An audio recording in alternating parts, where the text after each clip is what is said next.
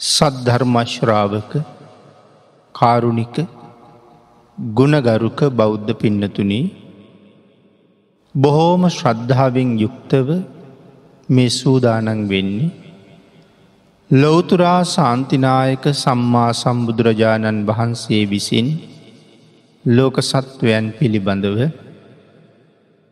අසීමිත දයාවෙන් කරුණාවෙන් මෛත්‍රියෙන් යුක්තව අවබෝධ කරගෙන දේශනා කොට වදාළ පරම ගම්බීර වූ ශ්‍රී සද්ධර්ම රත්නයෙන් අබමල් රේනුවකටත් වඩා අඩු බොහෝම පුංචි කොටසක් දේශනා කරවගෙන ධර්ම ගෞරවය පෙරදැරි කරගෙන ඒ දේශනාගත ධර්මය ශ්‍රවණය කරන්න.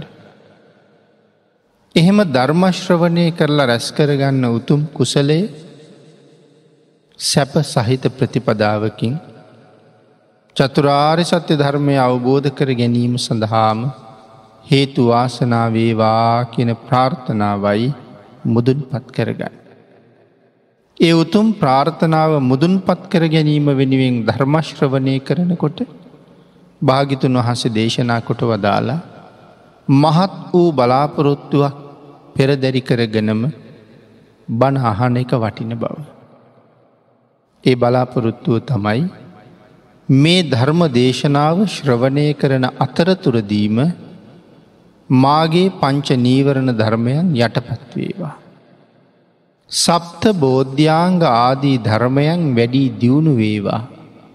මේ දේශනාව අතරතුරදීම මට උතුම් වූ මාර්ගයක් පලයක් අවබෝධ වේවා කියන ප්‍රාර්ථනාවෙන්ම ධර්මශ්‍රවණය කරන එක වටින බව අනීවරණ සූත්‍රයේ දේශනා කොට වදාලි. අපි එයාකාරයෙන් ධර්මශ්‍රවනය කරන්න උත්සාහ කරන. පිනතුන මේ දේශනා මාලාවේ අදත් අපි සාකච්ඡා කරන්න බලාපොරොත්තු වෙන්නේ ත්‍රිපිටකයේ මජ්‍යමනිකායේ සඳහන් වෙන දක්කින විභංග සූත්‍ර අට්ට කතාව. ඒ අට්ට කතාව මූලික කරගෙන ධර්ම දේශනා දෙකක් මේ වෙනකොට සිදු කරල තියෙනවා අද එහි තුන්ගනි ධර්මදේශනාවයි මේ සිදු කරන්න බලාපොරොත්තු වෙන්නේ. පිනතින අපේ බුදුරජාණන් වහන්සේට මහා ප්‍රජාපති ගෝතමින් වහන්සේ විසින් වස්ත්‍ර යුගලයක් සකස් කරල පූජා කරන වෙලාල්. භාගිතුන් වහන්සේ තුන් වතාවක්ම සංඝයාට දෙන්න කියලා. ගෝතමීන් වහන්සේට සිහිපත් කළ. අපි ඒ සඳහා කරුණු බොහොමයක් සාකච්ඡා කළ පහුගේ දේශනාවල්වල. අපේ අග්‍ර උපස්ථායක ආනන්දයන් වහන්සේ ඉන් පස්සේ බුදුරජාණන් වහන්සේට මතක් කළා ස්වාමීනී මේ මහා ප්‍රජාපති ගෝතමින් වහන්සේ බුදුරජාණන් වහන්සේ ගෙදර ඉන්න කාලේ. එකැන සිද්ධාර්ථ කුමාරය. පෝෂණය කළා. දිනකට දෙතුන්වර කැව්ව පෙව්වා. සිද්ධාර්ථ කුමාරයට දින කීපයකට බාල තමන්ගේම පුතා නන්ද කුමාරයා. කිරිමව්වරුන්ට බාරදීල මේ ගෝතමින් වහන්සේ නන්ද කුමාරයා වෙනුවෙන් තමන්ට එරුණ කිරි නන්ද කුමාරයට නෙමෙයි පෙව්වේ සිද්ධාර්ථ කුමාරයට. තමන්ගේ පුතා පසෙක තියලා සිද්ධාර්ථ කුමාරයා පෝෂණය කළ.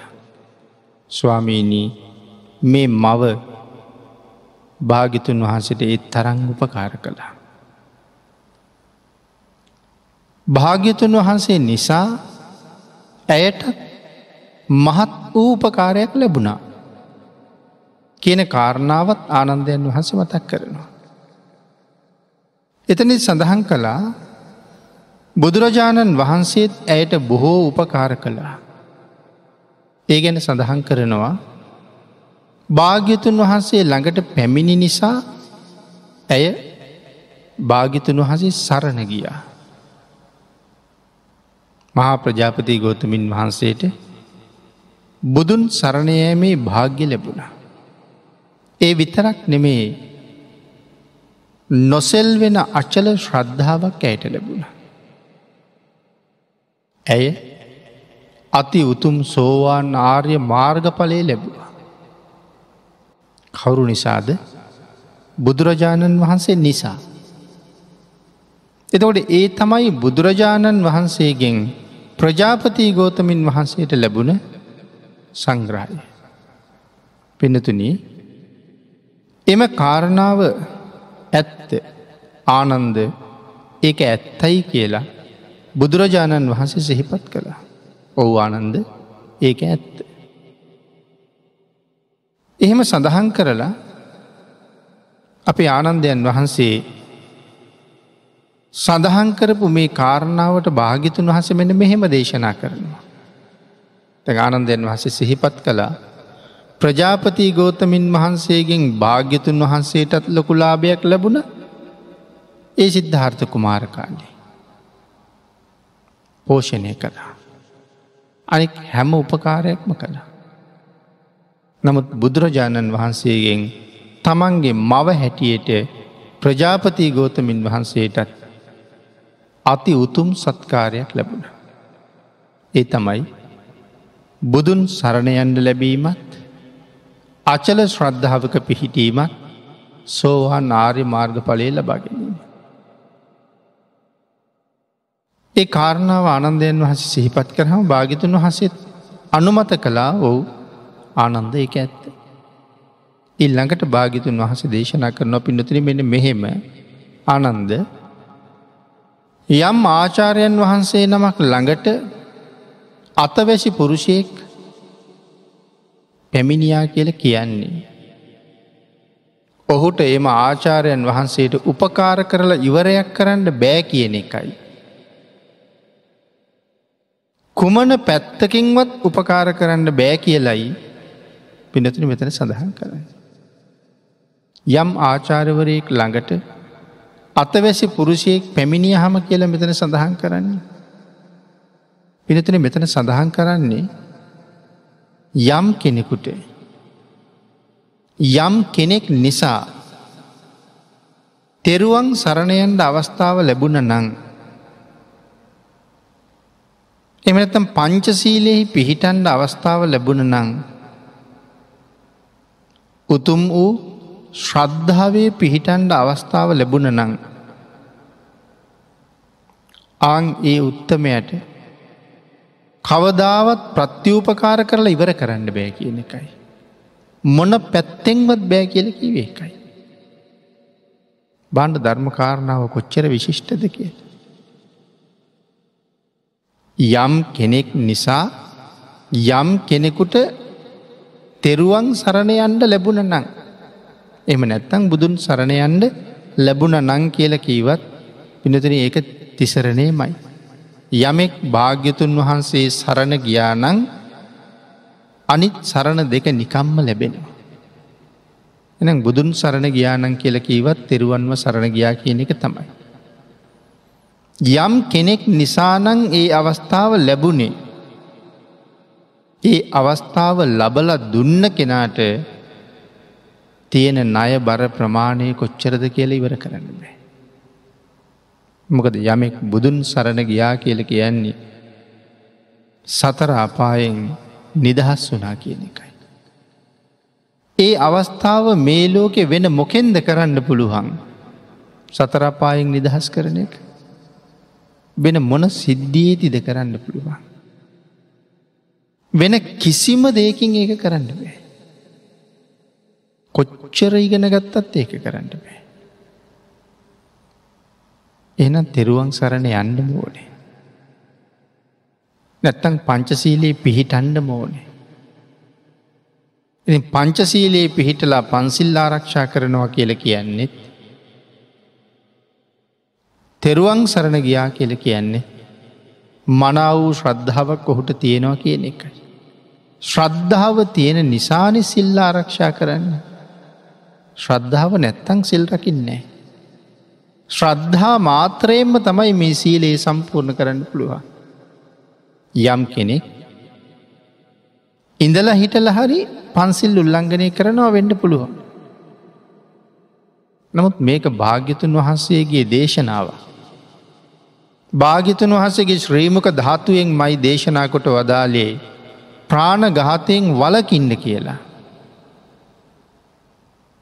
භාග්‍යතුන් වහන්සේ නං එහෙම දේශනා කළේ. මම කවදාවත් ඒ වැඩි කරන්නේ. කෙනෙක් එහෙම තීරණය කරනවා නං එ කවුරු ගැන තියෙන ශ්‍රද්ධාව නිසාද. බුදුරජාණන් වහන්සේ ගැන තියෙන ශ්‍රද්ධාව නිසා භාගිතුන් වහන්සේ එපා කියපු නිසා මං පන්සිල් කඩන්නේ. එනම් ශ්‍රද්ධාව අවශ්‍ය මනිසිල් රකින්ට. එනම් මෙතන සඳහන් කරන්නේ යම් අතවැසි පුරුෂයෙක් පැමිණියා කියලා කියන්නේ ආචාරයන් වහන්සේ ළඟට ඔහුට එම ආචාරයන් වහන්සේට උපකාර කරලා ඉවරයක් කරන්න බෑ කියන එකයි. කොයි පැත්තෙන්වත් බෑ කියල කියන්නේ. එතකොට එම ආචාරයන් වහන්සේ යම් දිසාවක වැඩඉන්නවද ඒ පැත්තට ඉතා ගෞරවයෙන් වැඳල තම යන්නේ. කෙන ආචාරයන් වහන්සේ ගැන හොඳටම දන්නවා. ඒ ආචාර්යවරය නිසා මට ලැබුණේ මොනවද. ආංගික මනාව දන්න නිසා කෘතගුණ වේදී පුද්ගලයා ආචාරිවරයා ළඟ නැත්තං ආචාර්යවරයා ඉන්න පැත්තට වැඳල තමයි යනවා කියල කිය. අපි සැරියුත් මහරහතන් වහන්සේ. උන්වහසගේ චරිතය ගැන අධ්‍යයනය කරනකොට සාරිපුත්තයන් වහන්සේ සැතපෙන්ඩ යනකොට සාමානය සැතපුන්නෑ. නමුත් ගමනක් පිටත් වනත්. ආචාරයන් වහන්සේ ඉන්න දිහාට වන්තිනවා. බැඳල තමයි පිටත්වෙන්.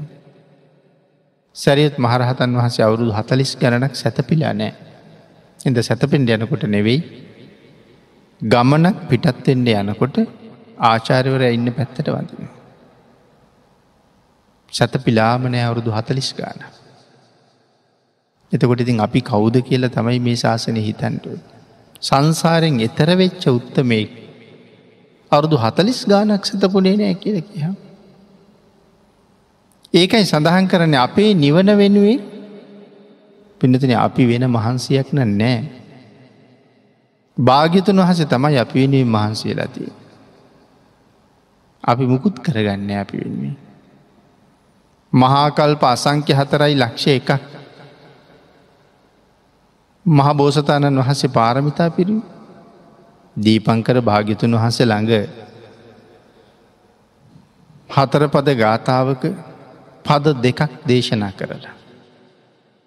තුන්වැනි පදේ දේශනා කරන්න කලින් සිව්පිලි සිඹියා සහිතව රහත්තෙන්ට අවස්ථාව තියාගෙන ඒ අවස්ථාව මගහැරී කවුරු හින්දද. අපි හින්දා. මහබෝසතණන් වහන්සේට එතරවෙඩ අවශ්‍ය අවස්ථා කෝටි ගණන් ලැබුණ. ඒ සේරම මගෑරී අපි හින්දා. අපිට මේ දහම දේශනා කරන්න ඕන නිසා. උන්වහසේ ඒ තරන් කැපකිරීමක් කරනකොට. උන්වහසේ ඒ තරං නිදිවර්ජිතව අපි වෙනුවෙන් කටයුතු කරනකොට. පැයටක් දහයක් දවසකට ගුලි වෙලා නිදාගෙන මොනවද කරන්න කියල තමයි හිතන්න වෙන්න. ගෙන අපි වෙනුවෙන් අපි මුකුත්ම කරලා මුකුත්ම කරලනේ අපි වෙන්නේ. බම ස්වල්පයයි කරක් නැතිේ. නමුත් සාරිපුත්තයන් වහන්සේ ආචාරවරය ඉන්න දිහට බන්දල ගමනක් පිටත්වෙන්. එතකොට සඳහන් කරනවා ආචාරයන් වහන්සේ වැඩඉන්න දිසාව කොයි පැත්තද වැඳලයි යන්නේ ඒ දිසාවට වැඳලයි ඉඳගන්නේ වැඳලයි නිදාගන්නේ කීකරු ශිෂ්‍යයෙක් එහෙමයි. ආචාරයන් වහන්සේ දුරදීම දැකල නැගිටලා පෙරගමන ගිහිල්ලා පිළිගන්නවා. එකට කියනවා පච්චුට්ටාන කියලා. දුරදීම දැකල නැගිටලා පෙරගමන් ගිහිල්ල පිළිගන්නවට කියනවා පච්චුට්ටාන කියලා. ආචාරයන් වහන්සේ දැකලා අත් දෙක හිසමත තියල නමස්කාර කරනවනං යම් දිසාවක ඉන්නව කියලා හිතලා ඒ දිසාවට නමස්කාර කරනවනං යද්දිත් එද්දිත් නමස්කාර කරනවනං ඒකට කියන්නේ අංජලී කම්ම කියලා. අප මේක තවටිකක් පැහැදිලි කරමු ඊළඟට සඳහන් කරනවා මේක අට්ට කතා විස්තරය නිසා යම් ප්‍රමාණයක් සංකීර්ණ ඇති කියල හිතෙන නිසා හෙමින් තමයි පැහැදිලි කරන්න කල්පනා කළේ සාමීචිකම්ම කියල කියන්නේ දැන් අපි පච්චුට්ටාන ගැන සඳහන් කළා අංජලීකම්ම ගැන සඳහන් කළා ඊළකට සාමීචිකම්ම සාමීචිකම්ම කියල කියන්නේ සුදුසු ක්‍රියාවන් කරනව කියන එකයි. එතන සුදුසු ක්‍රියාවන් කරනව කියල කියන්න. ඒ කිවි පින්නතිනේ චීවරයක් දෙනවන ආචාරිවරයට. යන්තන් එහෙම් මෙහෙන් දෙන්න. සඳහන් කරනවා එක්කො කහවනුත් සීයක් විතර වටින එක. පන්සීයක් විතර වටින එක. දහසක් විතර වටින එක. දෙන්ඩ පුළුවන් උපරිම වටින දෙයක් දෙනවා. කියන එකයි ඒ සඳහන් කරලා තියෙන. ඊට පසේ සඳහන් කරනවා පින්ඩ පාතයක් පිළිගැන්නුවත් යන්තන් ලැබුණ දෙයක් පිළිගන්නනවා නෙමෙයි. එනම් ඉතාම අනර්ග ආහාරයක් තම උසස් ප්‍රනීත ආහාරයක් පිළිගන්න. බොහෝ ප්‍රත්‍ය උන්වහන්සේට පිළිගන්න. සිව්පසය බොහෝසේ පිළිගන්නනවා ඒ බොහෝසේ පිළිගන්නනවා කියල කියැනෙ කොහොමද කියන කාරණාව සඳහන් කරනවා. ප්‍රත්‍ය හතරම මහාමේරු පර්වතය තරම් උසට සක්වල පුරවලා දුන්නත් සුදුසු ක්‍රියාවක් කලා කියල කියන්න බැහැ කියලයි කියන්න. චීවර පිණ්ඩ පාත සේනාසන ගිලාන ප්‍රත්ති. මේ ප්‍රත්‍ය හතරම මේ මුළු සක්වලේම පුරවලා. කොච්චර ප්‍රමාණයක්ද ඒ පුරවපු කන්ද මහාමේරු පරවතය තරම් උසයි සිව්පසේ. මුළු සක්වලේම ගොඩ ගහලා පිළිගැන්නුවොත් සුදුසු ක්‍රියාවක් කලා කියලා කියන්න බෑ කියල කියන්නේ.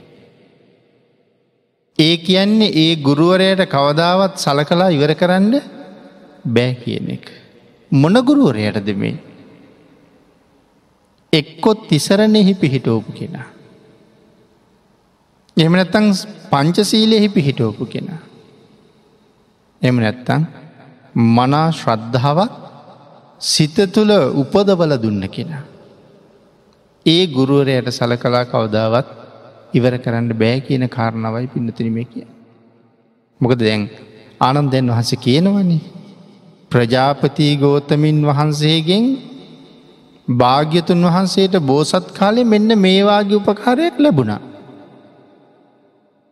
ඊළකට සඳහන් කරනවා භාග්‍යතුන් වහන්සේ නිසා එතුමියටත් මෙන්න මේවාගේ උපකාරයක් ලැබුණා. ඉතින් අම්ම ගෙනල්ල දෙන මේ වස්ත්‍ර යුගලය භාගිතුන් හස පිළිගන්ඩ. ඉතින් එතකොට භාගිතුන් වහන්සේගෙන් ප්‍රජාපති ගෝතමින් වහන්සේට ලැබුණේ තෙසරණය පන්සිල් ශ්‍රද්ධාව සෝහන් බව. දියන ප්‍රජාපති ගෝතමින් වහසට කවදාවත් භාගිතුන් වහසට උපකාර කරලා සීමාවක් දකින්න පුළුවන්ද. කියන කාරණාවත් එක්ක තමයි මේක පැහැදිලි කෙරෙන. එතකොට පින්නතන යම් කෙනෙක් තව පුද්ගලයෙක් මේ ශාසනය ගැන පැහැදෙව්ව කියල කියන්නේ. ඒ පුද්ගලයට කොච්චරනම් සලකණ්ඩ වටි නොද. මේක වඩා පුළුල්ලු සාකච්ඡා කළුත්. අපි කියමු ශිෂ්‍ය භික්‍ෂූන් වහන්සේලම එම නැත්තැන් ගිහි ශ්‍රාවකය ශාසනය ගැන පැහැදෙව්ව නං නිවැරදි තිසරණය පිහිටෙව්ව නං සම්මා සම්බුද්ධ ශාසනය ගැන ශ්‍රද්ධාව ඉපදෙව්ව නං මොන තරම් ලාභයක්ද ලබල දීලති. සතර අපායෙන්ම නිදහස් කරලති. දෙ මාව අපායෙන් නිදහස් කරගත්ත කෙනාට කොහොම සලකලා ඉවර කරන්නද කියලම කිය. ඊළඟට පිඩතුන තුන්සිය හැත්තෑ නමය පරිච්චේදය අට්ට කතාව. සඳහන් කරනවා පෞද්ගලික දාන දා හතරක් ගැන මෙදක්කින විභංග සූත්‍රය සඳහන් කරන පෞද්ගලික දාන දා හතරක් පිළිපට. ගුණවසයෙන් දක්ෂිනාව පිළිගැනීම අතින් සුදුසුම සහ සියලු දෙනාට ජේෂ්ඨ වශයෙන් භාගිතුන් වහස දක්වනවා. පෞද්ගලික දාන දා හතරයි එක ගුණ අතින් ශ්‍රේෂ්ඨත්වය අතින් මේ දානය පිළිගන්ඩ මේ ලෝක ඉන්න සුදුසුම උත්තමයන් වහන්සේ බුදුරජාණන් වහන්සේ. පෞද්ගලික දානය පිළිගණ්ඩ සුදුසුම කෙනා තමයි භාගිතුන් වහන්සේ. නමුත් ස්ථාන දා හතරක පෞද්ගලික දානය පෙන්නෙනවා. ඊළකට සඳහන් කළා ප්‍රථම දෙවන තෙවන ප්‍රමාණය පරම දක්කිනීයයි කියලා. පළවිනිධානයත් දෙවනිධානයත් තුන්ගනිධානය. පරම දක්කිනීයයි මේ ශාසනය එහෙමයි හඳුන්වන්න. කෞද පළවෙනි දානය පිළිගන්නේ භාගිතුන් වහන්සේ. මේ ලැයිස්තුවේ උඩිම්ම ඉන්නේ බුදුරජාණන් වහන්සේ. ඊළඟට ඉන්නේ දෙවනිධානය පසේ බුදුරජාණන් වහන්සේ. තුන්ගනිධානය මහරහතන් වහන්සේ. බුදු පසේබුදු මහරහතන් වහන්සේලට දෙන දානය පරම දක්කිනේ යැයි කෙන කිය. මේ තුන් කාරණාව අතරෙත් භාග්‍යතුන් වහස තමයි ඉහලින්ම ඉන්නේ. සම්මා සම්බුදුරජාණන් වහන්සේට දන්දීලා කොයි තරං ආනිසංසයක් ලබනවාද. ඒ දානය තරම් උසස් වෙන්නෑ පසේ බුදුරජාණන් වහසට දෙන දානය. හැබැයි ඒ සම්මා සම්බුදුරජාණන් වහසගේ මට්ටමින් අපේ මට්ටමින් එක් කතා කරන්න බෑ. පසේ බුදුරජාණන් වහන්සේට දෙන දානය තරං උසස් වෙන්නේ රහතන් වහන්සේට දෙන දානය. නමුත් මේ දාන තුනම අති උතුම් නිසා පරම දක්කිනේ යයි කියල කිය. ඊළඟට පින්නතුන ඉතිරි ටික පරම දක්කිනය වෙන්නේ නෑ කියල සඳහන් කරනවා. එතනින් පල්ල හැට තියෙන දාන ටික දානය කොළහක් තියෙනවා පරම දක්කිනය වෙන්නේ නෑ කියල කියනවා. එකන්න අනා මහරහත් වීම සඳහනත රහතන් වහන්සේ නමක් වීම සඳහා වීර්ය වඩන අනාගාමින් වහන්සේ. ළඟ ඉඳලා පල්ල හැට පරම දක්කින යයි කියල කියන්නේ නෑ කියලයි මේ සඳහන් කර.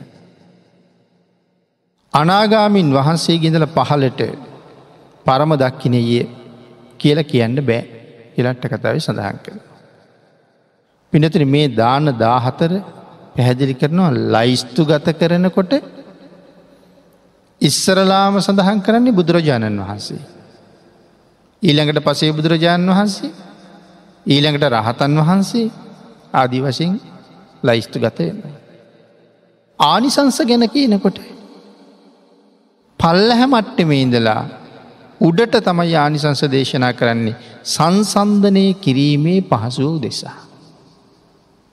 දට මේ දාහතරි පල්ල හැම ඉන්නේ තිරිසං සතා. ඊළඟට ඉන්න පාමණ දුස්සීලයා. ඊළඟට ඉන්න පෘතජ්ජන සීලවන්තයා. ඊළඟට ඉන්නේ කාමයේ වීතරාගී වෙච්ච අභිග්ඥාලාබී රිෂිවරය. ඊළඟට තමයි ඉන්නේ තිසරණ සහිත පන්සිල් තියෙන කියලා. ඒ පල් හැයින්දල උඩට එනකොට.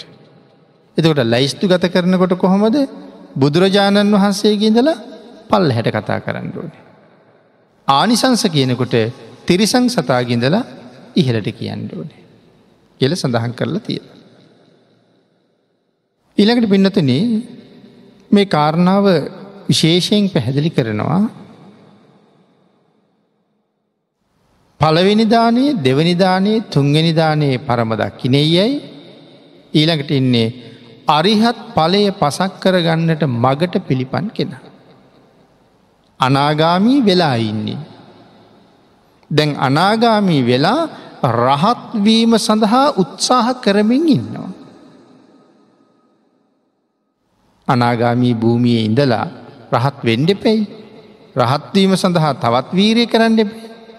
එතකොට අනාගාමී වෙලා නතරවෙන්නේ නැතුව රහත්වීම සඳහා නැවත වීරිය ආරම්භ කරලා ඉන්න කෙනා. එයාට අයිමි කැන රහත් පලය පසක් කරගන්නට මගට පිළිපන් කෙනා. එතනින් පල් හැටින්නේ අනාගාමී තතාගත ශ්‍රාවකය. එතනින් පල් හැටින්නේ අනාගාමී මගට පිළිපන් තතාගත ශ්‍රාවකය. මොකද එයා සකදාගාමී වෙලා ඉන්නේ. දැන් අනාගාමී වීම සඳහා මගට බැහල තියෙන. ඊළඟට ඉන්නවා සකදාගාමී ආර්ය තතාගතාරය ශ්‍රාවකය සකදාගාමී මගට පිළිපන් තතාගත ශ්‍රාවකය සෝවාන් තතාගත ශ්‍රාවකය කාමෙහි වීතරාගී බාහිර තවුස පෘතජ්ජන සීලවන්තය පෘතජ්ජන දුස්සීලය තිරිසන් සතා. මෙහෙම තමයි මේ දානදා හතර පල් හැට පල්ල හැට සඳහන් කරලා තිය. මෙසේ පුද්ගලික දානවල ආනිසංස දක්වලා ඊළඟට සඳහන් කරලා දේශනා කරනවා තත් තිරචාන ගතීති යං ගුණ වසේන උපකාර වසේන පෝසනසනන් දින්නං ඉදං න ගහි පැහැදිලි කරනවා ගුණ වශයෙන් හරි උපකාර වශයෙන් හරි පෝෂණය වශයෙන් හරි ගෙදර ඉන්න සතාට දුන්න කියලා ආනිසංස ලැබෙන්නේ නෑ කියලා. දැතුර ආනිසංස කියන යට ඉඳලනි එතොට ඉස්සරලමිනි තිරිසං සතානි තිරිසං සතෙකුට කෑමවේලක් දුන්නහම අනාගත ජීවිත කීයක පල දෙනව කෙලෙද කීවි සීයයි. තිරිසං සතෙකුට කෑමවේලක් දුන්නහම ඉදිරි අනාගත ජීවිත සීයක මට විපාක දෙනවා එක. බඩිගින්න ඉන්ඩ වෙන්නේ නෑ. තවත් මේක සීය සීය වෙලා ආකාර පන්සීයකින් විපාක දෙනවා. බාන්නක ශාසනයේ දානය මොන තරං උත්තරීතරද කිය. මෙවන් දානයට නින්දා කරන අය කොච්චර ඉන්නවද. සමහරයිකිනවා භාවනා කරනකොටත් දන් දෙන්න පා කියලා. සමහර භාවනා කරන ඇත් කිනවා දන්දීල වැඩක් නෑ භාවනා කරන්න ඕන කියලා. මේ ශාසනය එක දානයේ. දානයට නින්දා කරලා යම් කෙනෙක් මේ ශාසනයේ ආර්යන් වහස නමක් වෙන්ඩ බලාපොරොත්තු වෙනවනං ඒක මේ බුද්ධ ශාසනය ඇතුළි වෙන්නේ නැති වැඩ. එත දානය අමතක කරලා මේ ගමන යන්න බෑ. එනම් තිරිසං සතෙකුට කෑම වෙලක් දුන්හම අනාගත ජීවිත සීයක් මට කෑම විතරක් නෙමෙයි හම්බ වෙන්නේ. ආයු වර්ණ සැප බල ප්‍රඥා කියන කාරණා පහම හම්බෙනවා. එතකොට සීයක් ආත්ම සීයක් වෙනකොට කාරණ පහගානය හම් පන්සීය. ජාති පන්සීයකින් එක විපාක දෙනවා. තිරි සංසතකුට ආහාර වේලක් දුන්හම්. හැබැයි මෙතන සඳහන් කළේ ගුණ වශයෙන් උපකාර වශයෙන් පෝෂණය කිරීමක් වශයෙන් දෙනවනං මේ අනිසන්සේ ලැබෙන්නේ තේරෙන් නැද්ද? ගෙදර හදනවා සුනකෙක්. මොකට දහදැන් එයාගෙන් බලාපොරොත්තු වෙනවා ගෙදර ආරක්ෂාව. දරුවන්ගේ විනෝදය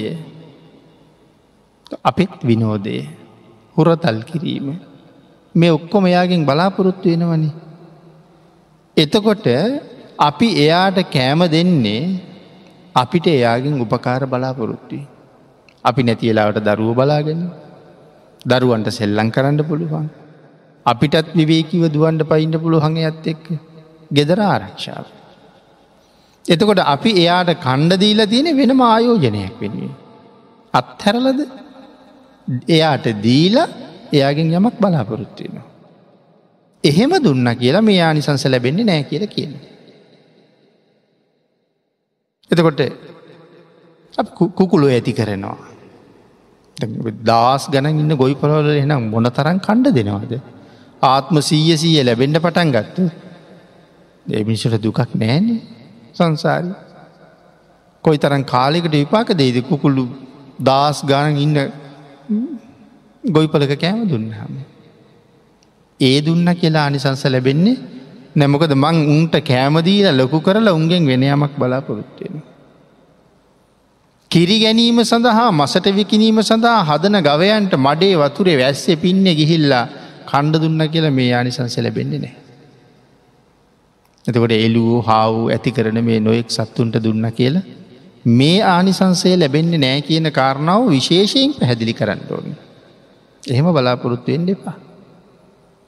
කෙනෙක් හරක මසට විකුණ ගන්නවා නමුත් පස්සේ හරි හිතල රැවටෙන්ට පුළුවන් ඉතින් මේක මසට දුන්නත් මුට මෙච්චර කාලයක් කණ්ඩදීල මං මොන පිනක් කරගත්තද කියලා.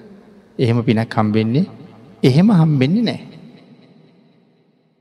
ගෙදර ඉන්න සුනකයාට නමුත් කෑම දුන්නනං එයාගෙන් කිසිම දෙයක් මං බලාපොරොත්තු නෑ.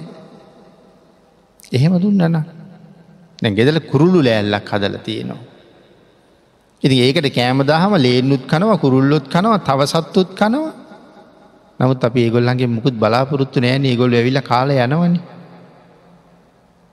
අං එහෙම බලාපොරොත්තුවක් නැතුව දුන්න හම තමයි මේ ආනිසන්සේ ලැබෙනවා කියල කිය. මාලු ටැංකියක් හැදුවත් ඒකට කෑම දැම්මුත් ඒත් මේ ආනිසන්සේ ලැබෙන්නේ. ඇ ඒකනුත් අපි බලාපොරොත්වෙන දේවල් තියෙනවාන. යනේන අයට පෙන්න්න නොම අපේ මාලු ටැංකිය. ළමයින්ට බලාගෙනීන්ට ළම යන්ට නිලාට එතෙන්ට එක ගිල්ල පෙන්නලා ඉගොල්ලුත් නලවගන්න. මමත් විවේකි වෙලාවි එක දිහා බලාගෙන ඉන්න. එතකට අපිට ප්‍රයෝජනයක් සඳහන්නේ සමහරයි කියන හදවත් රෝගීන්ටත් හොඳයි මෙවාලු ටැන්කි දිහා බලාගෙන ඉන්න එක කියලා.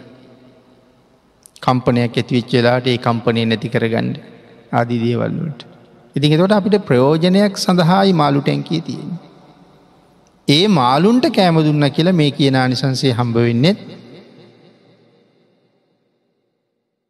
ඊළඟට පින්නතින ඉන්නේ දුස්සීල මනුස්සය.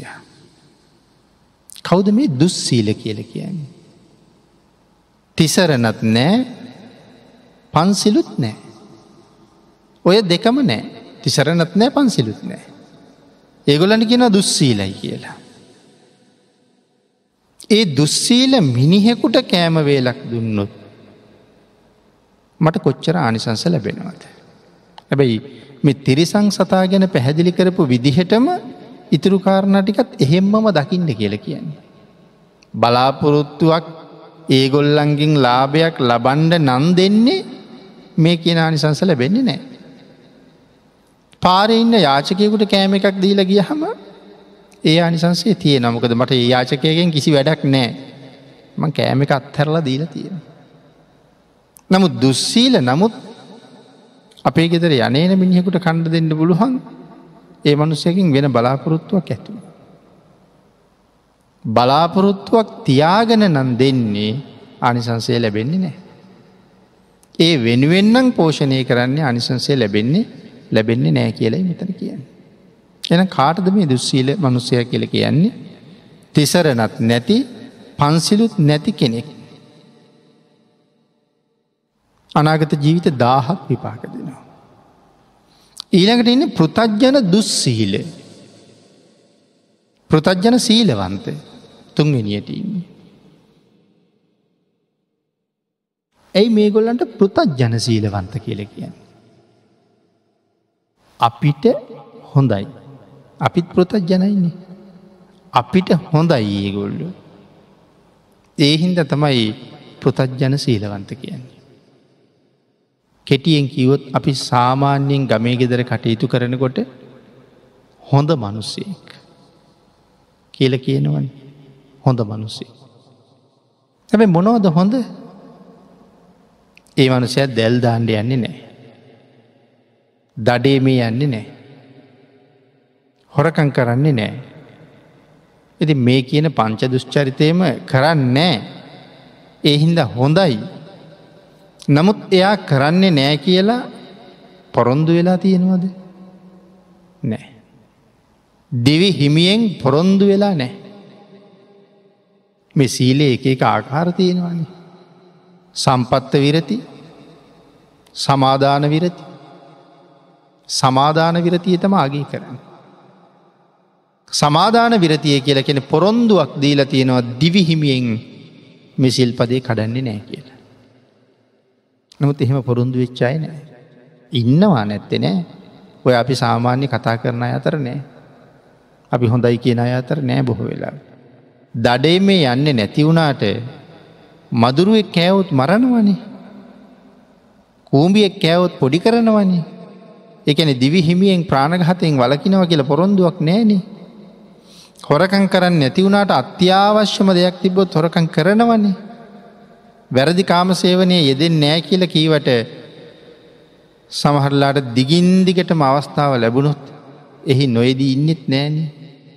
බොරු කියන්නේ නෑකීවට මොන ක්‍රමෙන් හරි මෙතනින් බේරිලා යන්ට බැරිමවුණොත් බොරුවක් කියලා බේරෙන්ට පුළුවන්නම් බොරුවක් කියනවා. රාරක්කු බොන්නේ නැති වුණාට අනුන්ගෙන් නිකං හම්බෙනවන බොනවා.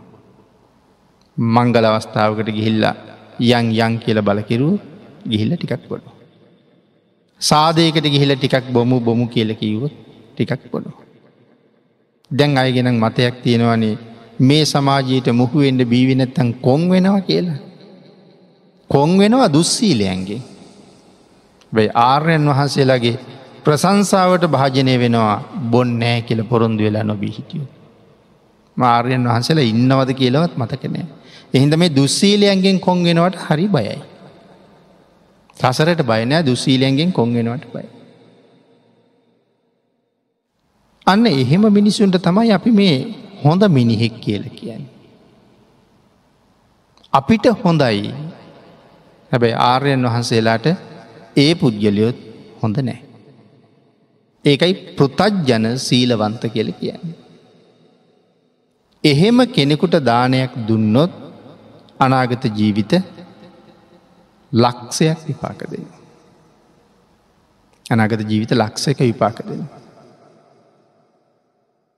මේ කාරණාව පෞද්ගලික දාන දාහතරෙන් භාගිතන් වහස පැහැදිලි කරගෙනෙනවා. කොච්චර ආනිසංස ලැබෙනවද කියන එක. ඉතින් පින්නතන ධර්මදේශනවට තියෙන කාලයේ නිමා වෙලා නිසා අපි දක්කින විභංග සූත්‍ර අට්ට කතාව යටතේ සිදු කරන මේ ධර්ම දේශනා මාලාවි තුන්වැනි දේශනාව මේ විදිහට නිමා කරමු. ඉතුරු කාරණාටික ඊළඟ දේශනාවෙන් සාකච්ඡා කරන්න බලාපොරොත්තුවේ.